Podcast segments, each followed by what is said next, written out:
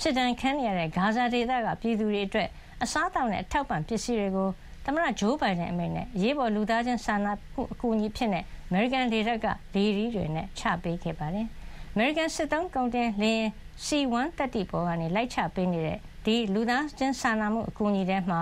လူပေါင်း ၃ သောင်းခွဲကျော် စားသုံးနိုင်မယ့် အသင့်စား အစားအသောက်တွေ ပါဝင်ပြီး ဒါဟာ ပထမအသုတ်အနေနဲ့ ပေးပို့တာပါ။ ဒီကူညီထောက်ပံ့ရေးပစ္စည်းတွေကို အငတ်ဘေးကြုံလူနည်းဖြစ်နေတယ်လို့ ကုလသမဂ္ဂက အကြံပြုထားတဲ့ ဂါဇာဒေသကရက်ကွက်ကြီးမှာ ချပေးခဲ့တာပါ။အခုလို လေကြောင်းကနေ လိုက်ပြီးချပေးတာကို အစ္စရေးကလည်း ထောက်ခံကူညီတယ်လို့ဒါဟာ ရေရှည်တက်ရောက်မှု ရှိလိမ့်မယ်လို့ သမ္မတအင်ဒူက ပြောပါတယ်။ဒုက္ခရင်ဆိုင်နေရတဲ့ ဂါဇာဒေသခံတွေအတွက် အမေရိကန်သားမက ဂျော်ဒန်နဲ့ အစ္စရေးတပ်တွေကလည်း လေကြောင်းကနေ လူသားချင်းစာနာမှု အကူအညီတွေ ချပေးနေပါတယ်။ စာနာမှုအကူအညီတွေပါတဲ့ရင်တန်းက ပစ္စည်းတွေရဖို့အတွက်တိုးဝှေ့သွားရောက်တဲ့ ပါလက်စတိုင်းသား115ယောက်ထက်မနည်းတေဆုံးခဲ့ရပြီးတဲ့နောက်မှာ အခုလို လေကြောင်းကနေတဆင့် အကူအညီတွေကိုချပေးဖို့အတွက်အမေရိကန်သမ္မတ ဂျိုးဘိုင်ဒန်က ညွှန်ကြားခဲ့တာ ဖြစ်ပါတယ်။